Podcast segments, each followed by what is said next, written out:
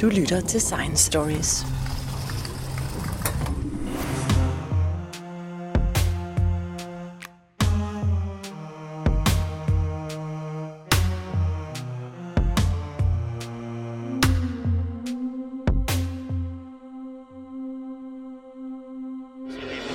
the Perseverance rover headed to Mars, ready to ride a column of fire and smoke on its way to the red planet. And liftoff. As the countdown to Mars continues, the perseverance of humanity launching the next generation of robotic explorers to the red planet.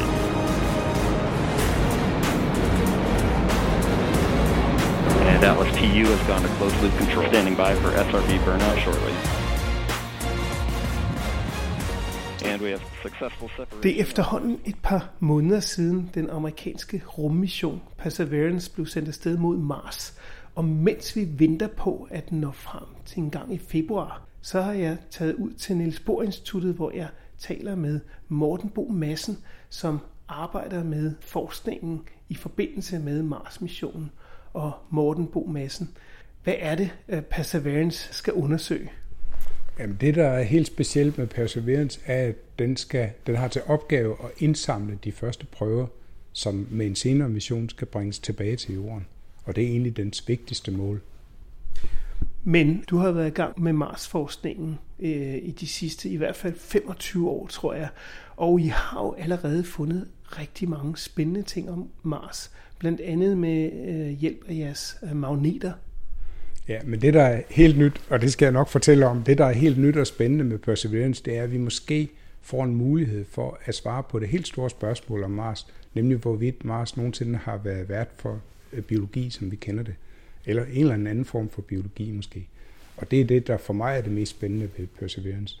Formålet med at sende øh, magneteksperimenter til Mars, det har egentlig været at undersøge, hvordan er øh, grundstofferne sammensat i mineraler, og hvordan kan de mineraler fortælle os noget om Mars' forhistorie, heriblandt hvordan, er, hvordan har vand medvirket til at nedbryde klipperne på Mars til at blive til de oxider, som vi, som vi kan fange på magneterne. Men i det hele taget, øh, studiet af magnetisme på Mars er jo et helt kapitel for sig selv, og så som har rigtig meget betydning for øh, planetens historie.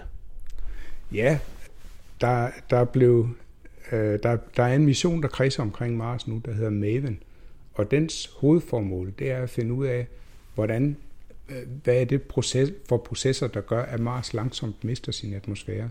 Fordi Mars' atmosfære er gennem Mars' historie blevet tyndere og tyndere. Øh, sådan så der i dag kun er en cirka en halv procent af det tryk, vi har på jorden. Øh, det ser ud til, at i Mars' tidligt i Mars' historie, der har atmosfæretrykket måske været ligesom på jorden, måske dobbelt så højt, måske halvt så højt. Øh, det er lidt svært at, at forudsige præcis, og det er en af de ting, som også prøver returneret fra Perseverance, måske kan hjælpe os med at forstå. Men øh, det, der er spændende ved magnetfeltet, jorden har et, et øh, det, man kalder et dipolfelt. Det vil sige, at jorden har en magnetisk sydpol ved den geografiske nordpol, og en magnetisk nordpol ved den geografiske sydpol.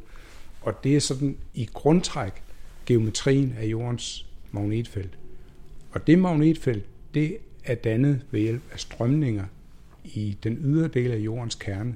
Den indre del af jordens kerne er fast, men der er noget flydende udenomkring, som hovedsageligt er jern og nikkel med en lille smule svovl i. Og når det størkner og hæfter sig til overfladen af den faste kerne, så frigives der en masse varme, som er med til at drive strømmene i den flydende del af kernen. Og så optræder der sådan en, en amerikanerne kalder det en bootstrap-effekt, hvor de strømme, som den her varme giver anledning til, er med til at generere et magnetfelt. Og det magnetfelt er med til at guide de strømme, sådan så de får en bestemt geometri. Så det er næsten som, at magnetfeltet trækker sig selv op ved hårdt. Øh, det- Så det- der skal bare være en energiforsyningskilde, som er det, at noget af den flydende kerne bliver fast. Også noget radioaktivitet, der er derinde. Men så genereres der nogle strømme, som i hovedsagen giver anledning til et dipolfelt, hvor vi for øjeblikket har den magnetiske øh, sydpol, der hvor vi har den geografiske nordpol, og en gang imellem så vender den, så sker der polvendinger. Øh, men der er stadig et dipolfelt på jorden. Det er noget, der det vil forsvinde over en relativt kort periode, så kommer det igen. Og det har vi en gruppe på DTU Space, der er eksperter i at undersøge jordens magnetfelt. Og det startede helt tilbage med Ørsted-satellitten. Øh, for Mars' vedkommende, der kan vi se af øh, nogle data, vi har fra en mission, der hedder Mars Global Surveyor, som blev sendt afsted i, i 96. Øh, der kan vi se, at Mars har nogle mineraler i skorpen, som er kraftigt magnetiseret i ret store arealer og volumener. Så stort, at man kan detektere et magnetfelt selv fra kredsløb i 400 km højde. Og det var en stor overraskelse, da man fandt det. Der, man regnede ikke med, at Mars havde noget magnetfelt. Og den undersøgelsen så viser, det er, at Mars har ikke noget dipolfelt, ligesom Jorden. Det er meget små felter, man måler. Og de felter viser, at Mars engang har haft et dipolfelt, eller et eller andet øh, globalt magnetfelt af en vis størrelse, for at kunne magnetisere de klipper, som man nu ser sporene af i de her magnetdata. Og grunden til, at det er så vigtigt, det er jo fordi, at det beskytter øh, atmosfæren mod øh, solvinden, så den ikke blæser væk. Ja, øh, der, når solen er aktiv, så udsender den en masse både øh, ladede partikler og partikler med meget høj energi, og en gang imellem så forekommer der et fænomen, som på engelsk hedder coronal mass ejections, hvor der udstødes store volumener af materiale fra solens overflade. Og en af resultaterne fra MAVEN er, at det er hovedsageligt de her coronal mass ejections, de her meget voldsomme udbrud fra solen, der igennem tiden har eroderet Mars-atmosfæren, så den, så den øh, ikke er så betydende, som den, øh, som den har været. Og en af de ting, øh, magnetfeltet kan gøre, det er, at den kan guide de her ladede partikler, der kommer med de her øh, meget voldsomme udbrud, som så de hovedsageligt eroderer atmosfæren ved en planets nordpol og en sydpol. Og det, der er Mars' problem nu, er, at den har ikke en magnetisk nordpol og en sydpol. Så der sker der det, når der kommer sådan en coronal mass ejection, at så hele Mars-atmosfæren, hele det areal, som den her stråling angriber Mars med, den er udsat for erosion. Og så er, den meget, så er, er de her soludbrud meget mere effektive til at fjerne dele af Mars' atmosfære. Og det er så sket igennem Mars' øh, mere end 4,5 milliarder år gamle historie. Men det er jo ikke så lang tid siden, der har været vulkanske udbrud på Mars, og man kan jo stadigvæk se spor efter vulkaner, og det tyder jo på, at der har været noget flydende inde i Mars. Ja, det er måske endda stadig aktivt. Altså, øh, vi har nogle samarbejdspartnere fra Universitet Berlin og DLR, det tyske rumfartsagentur. De har haft et kamera ombord på en mission, der hedder Mars Express, der ankom i 2003, og der har de systematisk kortlagt Mars-overfladen. Og en af de ting, de har været specielt interesseret i, det er at undersøge Mars' meget store vulkaner. Øh, det er sådan, at hvor jorden har masser af små vulkaner spredt over hele kloden, så er der på Mars nogle meget store, gigantiske vulkaner i forhold til dem, vi har på jorden. Og når man kortlægger det, der hedder kalderen i, den, i de store vulkaner på Mars, i hvert fald på den største, der hedder Olympus Mons, der kan man se øh, på kratertællinger, at noget af det materiale, der ligger oppe i kalderen, det er forholdsvis ungt, måske 5-10 millioner år. Og for os lyder 5-10 millioner år som meget, meget lang tid. Men i geologisk sammenhæng, hvis man tænker på, at Mars mistede sit magnetfelt for måske 4,2 milliarder år siden, så er 10 millioner det år, det kunne næsten have været i går, at der sidst var vulkansk aktivitet på Mars. Du må lige forklare, hvad en kaldera er for noget.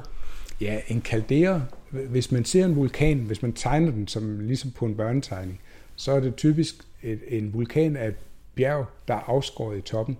Og hvis man kigger ned i toppen, så er der en hulhed, og det er der, det vulkanske materiale er kommet ud. Nogle gange eksploderer øh, sådan en vulkan, som der ikke er ret meget tilbage af den. Andre gange så skyller der materiale ud af det, der hedder kalderen, der er åbningen i midten af vulkanen, så skyller det ned over siderne og danner selve vulkanen. Og det er den Olympus Mons, den største vulkan på Mars, det er sådan en, øh, man kalder en skjoldvulkan. Den er 600 km i diameter forneden, og den er 27 km høj, lidt afhængig af hvilken, øh, hvilken referencehøjde man måler den fra. Så hvis man virkelig har visioner som bjergbestiger, så er det der, man skal, man skal slå sine folder. Ja, det er i hvert fald flere gange større end uh, Mount Everest. Men jeg tænker på, vil det så betyde, at, øh, at der er magnetisme på Mars, men den er bare sådan spredt ud over planeten og er mere sådan lokal? Ja, det, man kan, det, det, som resultaterne fra Mars Global Surveyor viste, det er, at der er striber af magnetiseret materiale, hovedsageligt i Mars' sydlige halvkugle. Og øh, det, at det magnetiserede materiale danner striber, det kender vi i en anden skala fra jorden. For eksempel midt i Atlanterhavet, hvor, hvor der kommer vulkansk materiale op, og kontinenterne spreder sig. Der øh, kan man følge det, at jordens magnetfelt har vendt frem og tilbage. Det kan man følge i forskellige retninger af magnetiseringen, øh, når man fjerner sig, efterhånden som man fjerner sig fra midten af Atlanterhavsryggen. På Mars er det en anden proces, der har været aktiv. Der har ikke været, så vidt vi ved, nogen øh, kontinentaldrift, altså nogle plader, der har været aktivt har flyttet sig på Mars. Jeg kender til en enkelt forsker, som vil være uenig i hvert fald. Måske er der nogle få, der mener, de har fundet spor af måske begyndende pladetektonik på Mars. Men for de fleste er det, det er en detalje, hvis det er. Altså, det er ikke noget, vi har set nogen øh, overbevisende spor af. Men det vi kan se, er, at der er ingen tvivl om, at noget af materialet i skorpen på Mars, måske op til 20-50 km tykkelse, det er blevet magnetiseret af et kraftigt magnetfelt, der har eksisteret engang. Og når vi siger engang, så er der i det sydlige højland øh, på Mars, der er et meget stort krater, der hedder Hellas. Og i det krater, øh, hvis man ser et kort over de her magnetiserede lag på Mars, så er de stribet. Undtagen lige hvor Hellas slår ned, der er der ikke nogen magnetisering tilbage. Og det er typisk det, der sker. Magnetiske materialer, de kan ikke tåle at blive varmet over det, der hedder Curie-temperaturen. Der er sådan en ordningstemperatur. Øh, når de bliver varmet over den temperatur og kølet ned igen, så er de glemt, at de var magnetiske. Og det ser ud til, at det er det, der er sket, der hvor Hellas-krateret er dannet, at der er frigivet så meget varme lokalt, så der er ikke nogen striber tilbage, de her magnetiske striber, så der er, er undergrunden blevet umagnetisk igen. Og det det krater har man omtrent kunne datere til for 4,2 milliarder år siden. Og det er derfor, vi øh, ved, at de polfelt, eller det øh, magnetfelt, der har været aktivt på Mars, det er i hvert fald mindst 4,2 milliarder år gammelt. Men øh, tilbage til jeres egne eksperimenter. Det I har arbejdet med i masser af år og har været med på øh, rigtig mange missioner til Mars omkring, det er jo at bruge magneter til at undersøge støvet på Mars. Ja, og grunden til, jeg kommer tilbage til, hvordan vi gør det i detaljer, men grunden til, at vi synes, det er så spændende at undersøge de magnetiske egenskaber af støvet på Mars, det er, at det at kende detaljerne i, hvilke mineraler, der gør støvet magnetisk, det kan fortælle os noget om, hvordan støvet er dannet, om støvets historie. Og det har vi studeret hele siden øh, 97, den 4. juli, da Pathfinder landede. Øh, der har vi indsamlet støv, som vi har studeret ved hjælp af kameraer. Senere, på senere missioner har vi haft andre værktøjer til rådighed. Øh, vi har været så heldige, at vi er blevet inviteret til at levere nogle magneteksperimenter, som på en måde kan ses som supplementer til andre instrumenter, der er ombord på roveren. Og så har vi øh, været inviteret så tidligt, så vi har kunne designe vores instrumenter, sådan så de er optimale til de analyseinstrumenter, der nu er aktuelle på en given mission. På Pathfinder havde vi kun et kamera til rådighed til at kigge på de her magneter. Vi havde faktisk også en grundstofanalysator, og det var meningen, at den, den var monteret på en lille rover, der hed Sojourner, og det var meningen, at den lille rover, den skulle tilbage og undersøge nogle specielle magneter, vi havde bygget til at undersøge grundstofsammensætningen af det magnetiske støv. Øh, missionen holdt bare ikke så længe, så vi nåede at lave den måling. Men den forsøgte vi så at gentage på en senere mission, og den, den mission blev så aflyst. Men øh, vi fik muligheden med Spirit Opportunity, øh, der blev sendt afsted i 2003 og landet i januar 2004. Der havde vi både en grundstofanalysator og et møsborgspektrometer og et mikroskop, så vi kunne studere en masse detaljer af magnetisk støv, vi havde indsamlet på sådan nogle relativt simple magnetinstrumenter, som vi havde bygget her på Niels Instituttet. Og de fandt ud af, husker jeg, det var jo blandt andet, at støvet var, var sammensat af partikler, som tydede på, at der havde været vand til stede. Ja, det var det resultat, vi fik fra Pathfinder-missionen. Og der, der havde vi jo kun kameraer til rådighed. Og det vil sige, vi havde kun meget begrænset datamængde, og vi havde magneter af fem forskellige styrker, som havde indsamlet støv, og alene baseret på billeder af det støv, der sad på de magneter, skulle vi prøve at give et bud på, hvilke mineraler kunne så være ansvarlige for det, det at støvet var magnetisk. Og det bedste bud på, på årsagen til, at støvet var magnetisk, inden vi sendte den her mission afsted, det kom fra Viking-missionerne, hvor en, en kollega fra Princeton University, Robert Hargraves, havde stået for magneteksperimenterne. Og han havde analyseret de data og fundet ud af, at et mineral, der hedder markemit, et fuldt oxideret jernoxid, øh, kunne være ansvarlig for magnetismen i støvet dengang. Og vi kunne ikke, baseret på de resultater, vi fik, øh, finde noget bedre, end at bekræfte, at hans bud var sikkert rigtigt. Det var nok meget kraftigt oxideret.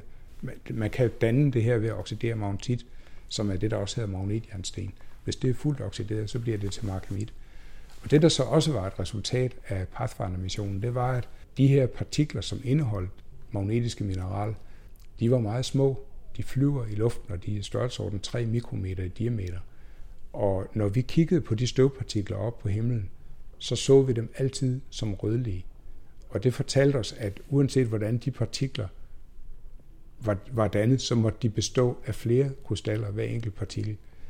Øh, vi begyndte at komme lidt i tvivl, da vi kunne se, at øh, jo svagere magneter vi kiggede på, det er de svage magneter, der indeholder det mest magnetiske materiale, der så støvet en lille smule mørkere ud. Men det var svært, at der var så lidt af det, så det var svært at lave øh, en grundig spektroskopisk karakterisering af støvet, så vi var aldrig 100% sikre på, at det virkelig var anderledes end det, der sad på de kraftige magneter. Og det var der, hvor vi så fik chancen på den næste mission. Den næste mission, hvor vi for alvor fik studeret øh, magnet eller støvet, som vi indfangede på magneterne, det var Spirit og Opportunity. Men, men du må lige forklare, hvorfor var de svage magneter dem, der viste støvet bedst?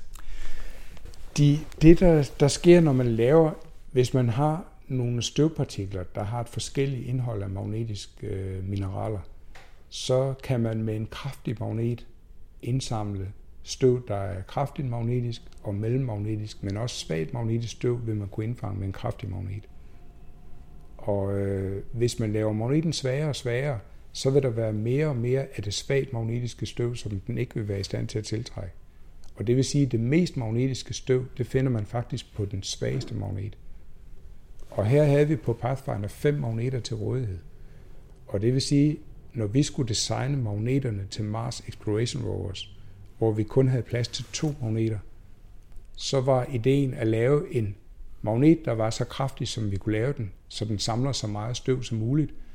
Jo tykkere støvlag vi har, jo bedre data kan vi få på et analyseinstrument, der skal analysere det her tynde støvlag. Det vil under alle omstændigheder være tyndt, fordi det er kun luftbrødstøv, vi samler. Og det, der så er gamblingen i det, det er, at vi ved, jo svagere vi laver den svage magnet, jo mere selekterer vi for det mest magnetiske støv, som er det, vi egentlig er mest interesseret i at vide noget om. Men jo svagere den bliver, jo mindre fanger vi også totalt, og vi skal være sikre på, at vi har nok til at lave en analyse. Og det er jo sådan et kompromis, og der er lidt gambling i det.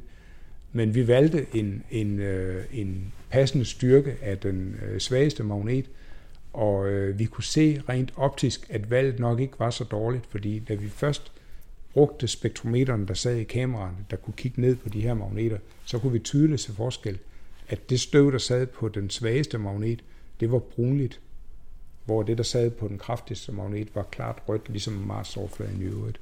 Og det betyder, at der er altså, det er ikke alle partikler i Mars atmosfæren er ens. Der er nogen, der er mere magnetiske end andre. Og de mest magnetiske er ikke så klart røde, som de mindre magnetiske. Men hvad kunne I så sige om støvet, når I nu havde analyseret det? Jamen det, der var så spændende ved det, og det, der er så spændende ved, ved øh, naturvidenskab i det hele taget, det er, at man får hele tiden overraskelser. Fordi det, vi troede efter at have analyseret data fra Mars Pathfinder-missionen, det var, at støvet var dannet i vand. Fordi så små partikler, der er sammensatte, dem kunne vi ikke rigtig forestille os kunne dannes andet end i vand. Men da vi fik analyseresultaterne fra støvet på de magneter, der havde samlet, samlet øh, luftbåret støv på Spirit Opportunity, så kunne vi se, at det mest magnetiske støv, det bestod af mineralet magnetit, og det vil sige, at det var ikke fuldt oxideret, det vil sige, at det var ikke rustet så meget, som det kan. Og øh, grundstofanalysen af det her støv viste også, at det ikke indeholdt kun jern og ilt, men også titan og en lille smule krom. Og sådan nogle oxider er ikke dem, man typisk får dannet, når man udfælder oxider fra en vandig opløsning. Det er derimod sådan noget, man får, når man nedbryder basalter, altså vulkansk materiale. Når det falder fra hinanden til mindre og mindre partikler, så øh, bliver det sådan noget, et mineral, der er dannet af en smelte, som titanomagnetit, som man, øh, er det magnetiske mineral i, i basalter.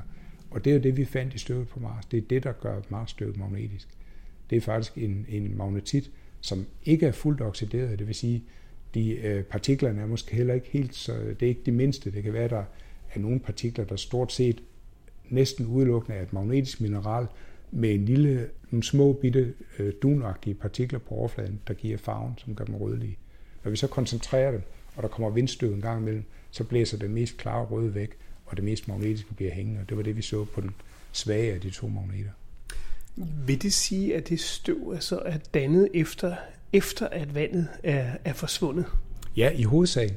Det øh, magnetiske støv her, det er dannet ved, at meget groft sagt, at klipper på overfladen af Mars er faldet fra hinanden, efterhånden som frost har sprængt dem, og temperaturændringer har fået dem til at falde fra hinanden til mindre og mindre stykker. Måske har også impacts, altså mikrometeoritter, der slår ned, øh, spillet en rolle til det her. Men det vi kan se er i hvert fald de magnetiske mineraler i støvet, de har ikke umiddelbart noget med vand at gøre. Men måske har de små fluffy partikler, der farver dem, øh, der farver øh, de luftbårne partikler røde, det er ikke utænkeligt, at de har lidt med vand at gøre, og vi har i en senere mission fundet ud af, at de faktisk indeholder i det mindste hydrerede oxider. Altså hvis man varmer sådan nogle støvpartikler op, jo finere støvet er, jo mere vand kan man få ud af dem. Og øh, på Curiosity fandt vi ud af, at det allerfineste støv indeholder faktisk 5% vand. Om det er direkte vand, eller absorberet, eller øh, fysorberet, eller fysisorberet, eller hvad det hedder, det, det ved jeg ikke helt. Øh, men man kan få vand ud af dem i hvert fald, og der er op til 5% jo finere støv der. Vil det så sige, at, at det ikke rokker ved det, at der har været vand på Mars, men at det bare er, er lang tid siden, eller at det måske har været meget selektivt, hvor der har været vand på Mars? Altså, allerede fra, fra atmosfæresimuleringer, øh, de folk, der er eksperter i at simulere, hvor kan vandis være stabil, de har vidst, at der har været mulighed for, at vandis kan være stabil stort set over hele Mars' overflade, men ikke helt op ved den yderste overflade. Hvis man er nede ved ekvator, så skal man 2-2,5 meter ned, før vandis kan være stabilt. Mens man på både øh, Nordpolen og Sydpolen faktisk har polar, øh, polar aflejringer, der melder lidt om gletsjere på jorden. De er op til 3 km tykke og 1000 km i diameter. Så det er meget store aflejringer af vandis, der ligger der. Der er så nogle støv, der er aflejret i dem også, og derfor kaldes de polar layer deposits, og ikke polar kalotter på samme måde. Som, det er ikke nødvendigvis en, en sådan sammenhængende isklump, men det er noget, der er aflejret lidt efter lidt, og nogle gange har der været meget mere støv i atmosfæren, og så er der aflejret nogle bånd med meget mere støv, så det er sådan skiftevis noget med meget is og lidt støv, og noget med meget støv og lidt is. Men øh, modellørerne fandt så ud af, at jo længere man øh, kommer fra ekvator op mod polerne, jo kortere er der mellem det område, hvor is kan være stabil, og selve overfladen. Og de fandt ud af, at på cirka 70 grader nordlig bredde, der skulle man en 5-7 cm ned for at finde et område, hvor vandis var stabil. Og det var der øh, NASA's Phoenix-lander landede i 2008. Vil det sige, at der, hvor der er størst chance for at finde liv nu om dagen på Mars, er ikke derude på de store vider eller i kraterne, men det er i virkeligheden der, hvor de har nogle isaflejringer under Mars-overfladen? Det kunne man i hvert fald godt tro. Altså jeg vil sige, et af de steder, hvor der måske er mest sandsynligt, at vi finder liv i fremtiden, hvis vi taler om mennesker, så er det de steder, hvor man vil have vandis relativt let tilgængelig, fordi vi får brug for vand, når vi skal derud. Og der kan det godt være, at man vil vælge et sted af landet, som ligger et godt stykke væk fra ekvator, hvor det er relativt nemt at grave ned og grave vandis op af undergrunden og bruge den. Måske endda lande på en gletsjer eller i nærheden af en gletsjer, hvor man kan udnytte det direkte. Der findes ikke kun gletsjer på Nordpolen og Sydpolen af Mars, der findes også nogle øh, ved øh, lavere breddegrader. Men en af de ting, som var formålet med Phoenix-missionen, det var at undersøge, hvor langt er der ned? Er det rigtigt, hvad kredsløbssonder havde vist, at der er op til 60 procent vand i den øverste meter af undergrunden? Og derfor var der en øh, amerikansk kollega, der foreslog, at man sendte en mission. Den blev aflyst, fordi en lander, der hed Mars Polar Lander, styrtede ned i 98. Og den her brugte præcis samme landingsteknik. Øh, så den blev aflyst i første omgang. Og Peter Schmidt fra University of Arizona, han foreslog så, at man tog den ud af mølposen og regenererede den, sørgede for, at de fejl, man anså som mulige fejl for Mars Polar Lander, de blev rettet, øh, så man havde en rettergenkendelse af overfladen, og man sendte signaler hjem, der fortalte om, hvordan det gik. Og så foreslog han, at man landede den på 67 grader nordlig bredde øh, på en slette, der hedder Vastitas Borealis. Og ideen var så, at den skulle stå i den nordlige polarsommer og undersøge vekselvirkningen mellem atmosfæren og undergrunden og finde ud af, den is, der eventuelt kunne være nede i overfladen, den vil vi gerne grave ned til og finde. Vi vil også gerne se, hvad er fugtigheden i den jord, der ligger over isen, og hvordan kommer fugt fra atmosfæren ned igennem den her, det her jordlag og bidrager til isen. Og kunne det være, at der i netop lige hvor grænsefladen er mellem is og jord, kunne der da være betingelser for, at mikrober, som vi kender dem fra jorden, ville kunne overleve. Så det var egentlig målet med den mission. Du lytter til Science Stories. Jeg ser lige pludselig to mål stikke frem. Både det, at, uh, at vi måske kan finde liv eller, eller vand, men også at vi, øh, at vi kan finde vand, øh, som er nødvendigt for, at vi måske kan overleve en gang på Mars. Ja, og det er også noget, som en af mine kollegaer, Kjartan, øh, har i samarbejde med en anden kollega fra glaciologigruppen Is og Klima her på Niels Bohr Instituttet, de har deltaget i en workshop, hvor man skulle finde ud af, hvad er det bedste sted først at lande mennesker på Mars. Og en af de ting, de foreslog, øh, det var at lande i nærheden af en gletsjer, hvor man relativt nemt kunne komme til store mængder af vand. Jeg tror, det er en rigtig god idé. Altså, jeg tror, de har fat i den lange ende der, og det er sandsynligvis det, man vil gøre, når man første gang lander mennesker på Mars. Men Morten Bo Madsen, nu øh, venter vi på, at Perseverance øh, snart øh, lander den seneste mission. Og øh, der er I jo med i indtil flere projekter, blandt andet et projekt, der går ud på at prøve at generere ilt. Ja, der er et eksperiment ombord, der hedder MOXIE. Og det, start, øh, MOXIE er et akronym. Øh, det står for Mars in situ resource utilization experiment. Og hvordan man får det knyttet sammen med MOXIE, det kræver næsten, at man ser det på tryk. Men ideen med MOXIE, det er at indsamle Mars-atmosfære, som i hovedsagen er CO2, komprimere den, komme den ind igennem noget, der ligner en lille brændselscellestak, og splitte den i O2 og kulmonoxid. Og øh, det kræver selvfølgelig noget energi, men MOXI er nu bygget sådan så den vil kunne fremstille 6 gram oxygen i timen, baseret alene på Mars-atmosfærens CO2. Øh, så ideen er, at man komprimerer Mars-atmosfære til en bar, varmer det op til 850 grader, kommer det ind i en faststof elektrolysecelle, som kan, når man sætter en, en strøm igennem den, så kan den splitte CO2 til kulmonoxid og ilt. Og i første omgang, så smider vi det bare ud, men vi måler, hvor ren den ild er, vi producerer. Vi måler, hvor meget vi producerer. Og så undersøger vi igennem en række kørsler af, den her, øh, af det her eksperiment, hvordan virker den i et Mars-miljø? Er der noget, der skal laves om til en senere version? Hvordan skal den opskaleres, så vi kan bruge den til, når der skal folk på Mars? Når vi skal have folk derude, så er hovedideen med at producere ild, det er faktisk at sikre, at man har en oxidant til det brændstof, som skal bruges til den raket, der skal sende folkene tilbage i kredsløb omkring Mars. Så bliver der en lille smule til over, som de kan trække vejret i.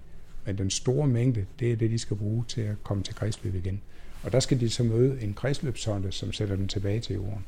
NASA's planer er udelukkende, når der skal folk til Mars, at de skal hjem igen. Så Morten Bo Madsen. Det betyder så, at, øh, at der er faktisk muligheder for at, at bruge Mars' ressourcer for at komme tilbage til jorden, og øh, at det er måske i virkeligheden øh, det næste trin, man skal til at, at udvikle. Jeg tror, det er et nødvendigt trin simpelthen, fordi når vi her på jorden skal køre med en forbrændingsmotor for eksempel, så hælder man benzin på tanken, og så øh, trækker motoren luft ind, og så forbrændes den her benzin, og så dannes der CO2 og vand. Og den CO2, den består af kulstof fra benzinen. Noget af brinten fra benzinen, den kommer ud i vandet. Men den ilt, der dannes i CO2 og vand her, den kommer alt sammen fra atmosfæren i forvejen. Der var ikke noget brændstoffet. Så der har vi oxidanten til rådighed. Hvis vi på Mars skulle lande en raket og have den ilt med, vi skal bruge som oxidant, så udgør den cirka en tredjedel af hele massen af den mission, man skal have afsted. Så hvis man kan spare en tredjedel af det, man skal have sendt afsted, så er det rigtig meget værd, øh, rent økonomisk og, og praktisk også. Og det er det, der er det store potentiale i, i at øh, lave ilten lokalt. Det er den største enkeltkomponent, der findes, øh, når man skal sende folk til Mars. Det er, det er den ilt, man skal bruge til at komme tilbage igen. Og hvor mange år tror du, det vil tage at udvikle den teknologi, der skal til for at producere tilstrækkeligt meget ilt til, at vi kan øh, sende en, en, en raket til Mars og tilbage igen med ilten derfra? Altså udviklingen af den teknologi, der skal til, er allerede i fuld gang. Det firma, der har bygget hjertet i den her MOXIE-maskine, det hedder Oxeon. Og de er i gang med at lave en opskaleret version, som kan være det næste trin.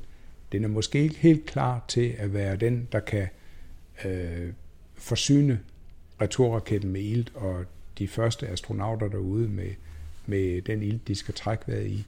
Men det er muligt, at den skal skaleres op endnu en gang. Og øh, jeg håber, at der bliver mulighed for at teste den næste version også på Mars, inden man sender folk derude. Det, der er kravet for, at folk kan komme hjem igen. NASA's planer er for øjeblikket, at når der skal folk ned på overfladen, så skal det være en besætning på seks personer. For at kunne få dem sendt retur til, til kredsløb omkring øh, Mars, så skal man bruge 30 tons oxygen. Og øh, det vil man kunne fremstille i rormag på 14 måneder eller sådan noget. Så det, der er ideen, det er at sende nogle videreudviklinger af MOXI ud og stå og, og tykke på at fremstille oxygen af Mars-atmosfæren i lang tid, sådan så man har til mindst en raket. Øh, måske endda mindst to. Man er sikker på, at man kan få sendt folk afsted, når først de kommer derud. Og ikke før den infrastruktur er på plads, at man har en mindst en virksom returraket, så vil man sende folk derud. Men hvor lang tid vil der gå? Altså, hvor mange år taler vi om? Jamen, det afhænger af, hvem man spørger. Altså, NASA's planer for øjeblikket, det er, at øh, det skal kunne lade sig gøre i begyndelsen af 40'erne. Men hvis du spørger sådan en som Elon Musk, han er jo ikke et tålmodigt menneske. Jeg hørte et interview med ham på et tidspunkt, hvor han blev spurgt, hvornår tror du, der kommer mennesker til Mars? Og så svarede han, øh, det skal være inden jeg bliver for gammel. så han er indstillet på selv at tage afsted, og selv tage initiativ til at bygge den infrastruktur, der skal til. Og jeg er ikke helt sikker på, at han har tålmodighed til at vente til 40. Uha, det lyder spændende. Men, men jeg tænkte på, øh, i øvrigt er du med i adskillige af de eksperimenter, der lige er sendt afsted. Og du har jo en, øh, en lang tradition for at være med i de eksperimenter, der har med magneter at gøre. Det har du stadigvæk. Ja, vi er med på et instrument, der hedder Mastcam Z. Mastcam var hovedkameraet på Curiosity-missionen. Det er nu til den her mission blevet videreudviklet med zoomlinser, og derfor hedder det Z øh, som tillæg. Øh, til det kamera har en yngre kollega haft ansvaret for at udvikle det, der hedder radiometrisk kalibreringstarget. Øh, jeg har hjulpet til med min erfaring, men øh, Kjartan Kink har haft hovedansvaret for udviklingen af den her kalibreringsskive. Og øh, den bygger på blandt andet små ringformede permanente magneter. Der er otte af dem, der ligger rundt i langs periferien af den her. Og Kjartan fik så den idé, at den skulle ikke bare være rund. Øh, selve pladen, de der magneter ligger i, den er blevet super elliptisk. Med en øh, hilsen til Pete Hein og matematik. Og det, det, det her, de her magneter kan, det er, at de er så kraftige og sidder kun 0,4 mm under den yderste overflade, øh, som er øh, noget keramik i det her tilfælde. Og de tiltrækker støv så kraftigt, så der er et område inde midt i, den ringformede magnet, som vil blive holdt forholdsvis ren for støv, så ren som det overhovedet er muligt med nogle teknologi, vi kender i dag. Og det er det, der har gjort, det er den teknik, som vi har udviklet siden Mars Exploration Rovers, som har gjort, at vi er blevet inviteret på flere missioner med det formål at levere radiometriske kalibreringstargets til missionen. Men du har også nogle andre øh, magnetiske eksperimenter med. Ja, man kan sige, øh, for, for at gøre den her færdig, så består magneteksperimentet i den her, det er egentlig det at holde centrum af magneten ren, det bruger vi som kalibrering. Det er det reneste område, vi kan, vi kan kalibrere med. Men den magnet, der tiltrækker støv, den tiltrækker støv i et mønster ovenpå også en, en øh, ring, af en, som vi har dækket magneten med, af en veldefineret farve. Og det betyder, at vi med, ved hjælp af kameraet for eksempel kan studere, hvordan vekselvirker lys med det støv, der ligger ovenpå sådan en keramisk flade. Og farvevariationerne hen over magneten fortæller noget om de magnetiske egenskaber af de støv, der sidder forskellige steder. Og nu har vi på denne her mission yderligere et instrument med, øh, som hedder Supercam. Og også til Supercam har vi leveret elementer til deres kalibreringstarget. De har et kalibreringstarget med 30 små elementer i, og de fleste af dem er mineralelementer, fordi deres hovedinstrument er laser-induced breakdown spektroskopi, og det bruger det til at undersøge grundstofsammensætninger med, og der vil vi gerne have nogle referencemineraler, som ligner nogen, vi ved kan findes på Mars. Og der er så et sæt af 30 forskellige kalibreringstargets, hvor de fem er til optisk kalibrering. Det er nogen, man ikke skal bruge til lips, men de skal bruges til et farvekamera, et farve fjernmikroskop, der er med en del af Supercam, og så skal det bruges til kalibrering af infrarød spektroskopi, som også er en del af Supercam. Og der blev vi bedt om at levere de her, netop fordi vi havde vist ved flere missioner, at vi kunne lave et, en struktur, der gjorde, at vi kunne holde et lille område rent. Og det der, som jeg er specielt interesseret i på den her, det er også at undersøge, hvilke, hvad er egenskaberne af det magnetiske støv, vi samler på de magneter, fordi Supercam, kan, den har også en teknik, der hedder Raman-spektroskopi, der kan studere organisk kemi.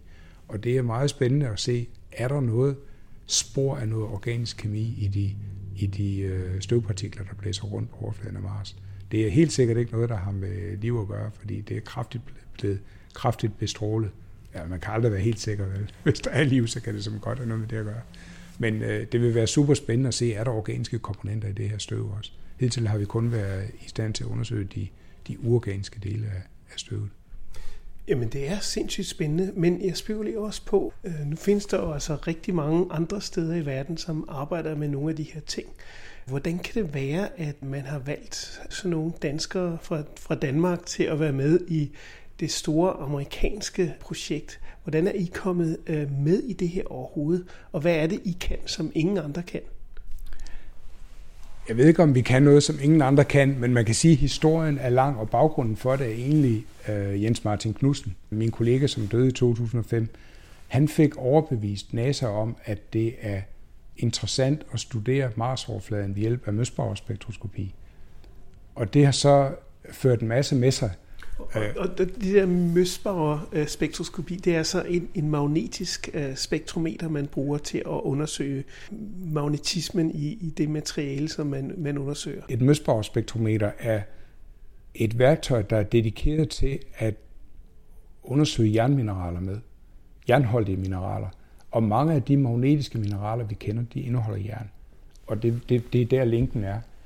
Øh, men, men Jens Martin Knudsen var ekspert i Møsborg spektroskopi. Og det er jeg også blevet. Det var sådan, vi mødte hinanden.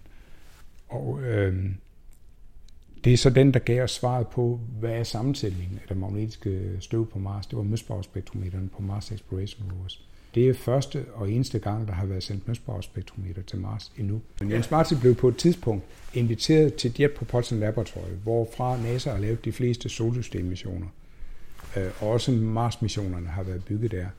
Og der blev han inviteret til at holde foredrag om, hvad man kan med Møsborg-spektroskopi, og hvorfor det er så vigtigt at lave Møsborg-spektroskopi på Mars. Og Jens Martin havde fået 45 minutter, og han fortalte 40 minutter om Møsborg-spektrometeret. Og så brugte han de sidste 5 minutter til at fortælle, at vikingsonderne havde haft et magneteksperiment med, og vi havde sammen udviklet en idé til at lave en videreudvikling af vikingmagneteksperimentet, så man kunne få mere information om mineralerne alene ved at kigge på billeder af permanente magneter, der var bygget ind i en plade, og så se på billeder af det støvmønster, der dannes på dem. Og det blev de så interesseret i, så de spurgte Jens Martin, hvordan skal vi få det her til at ske? Og Jens Martin var beskedenheden selv, så han øh, nævnte slet ikke sig selv. Han, sagde, han foreslog, at de henvendte sig til Robert Hargraves fra Princeton University, som var chef for magneteksperimenterne på Viking. Og så sagde han farvel og tak og rejste hjem igen.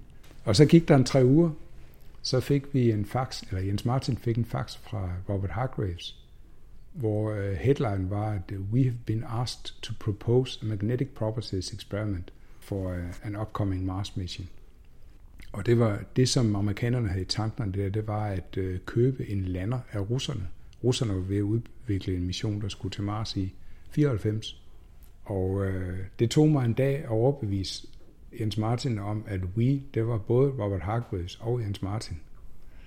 Og så gik vi ellers i gang. Vi havde en phd studerende der hed Stube Fagerskov Hvid, og han og jeg gik i gang med at lave meget primitive instrumenter baseret på det design, vi havde udviklet. Prøve at udsætte dem for forskellige mineraler, som vi siger gennem tesi, og så se på de billeder, der blev dannet. Og der gik det op for os, at der var meget mere information at hente i det, end vi havde forestillet os ved bare at lave en skitse af noget viewgraph engineering. Da først vi begyndte at undersøge det i praksis, så viste det sig, at der var store muligheder i det. Og det, det vi så gjorde, var, at vi udviklede sådan et instrument til Mars Pathfinder-missionen. Amerikanerne fandt så ud af, at vi, når vi fik en opgave, så løste vi den efter bedste evne, og ikke alene kunne vi levere noget hardware, men vi kunne også stå for fortolkningen af det data, der kom tilbage. Vi var med til at passe kameraet, skrive, skrive koder til alle de billeder, som øh, kameraet øh, skulle tage på overfladen af Mars og øh, vi kunne fortolke de data, der kom fra billederne af vores magnetinstrumenter. Og nogle af de folk, som, øh, som var med på den mission og lærte os at kende, er nogen, der havde lært os at kende allerede fra, fra øh, tidligere præsentationer af ideen her, de øh, inviterede os så, øh, når de blev chef for en Mars-mission, og så er det sådan set, øh, øh, de har opdaget, at de kan stole på os, og de har opdaget, at vi kan følge projektet til ende. Øh, og det er det, der gør, at vi bliver inviteret igen og igen.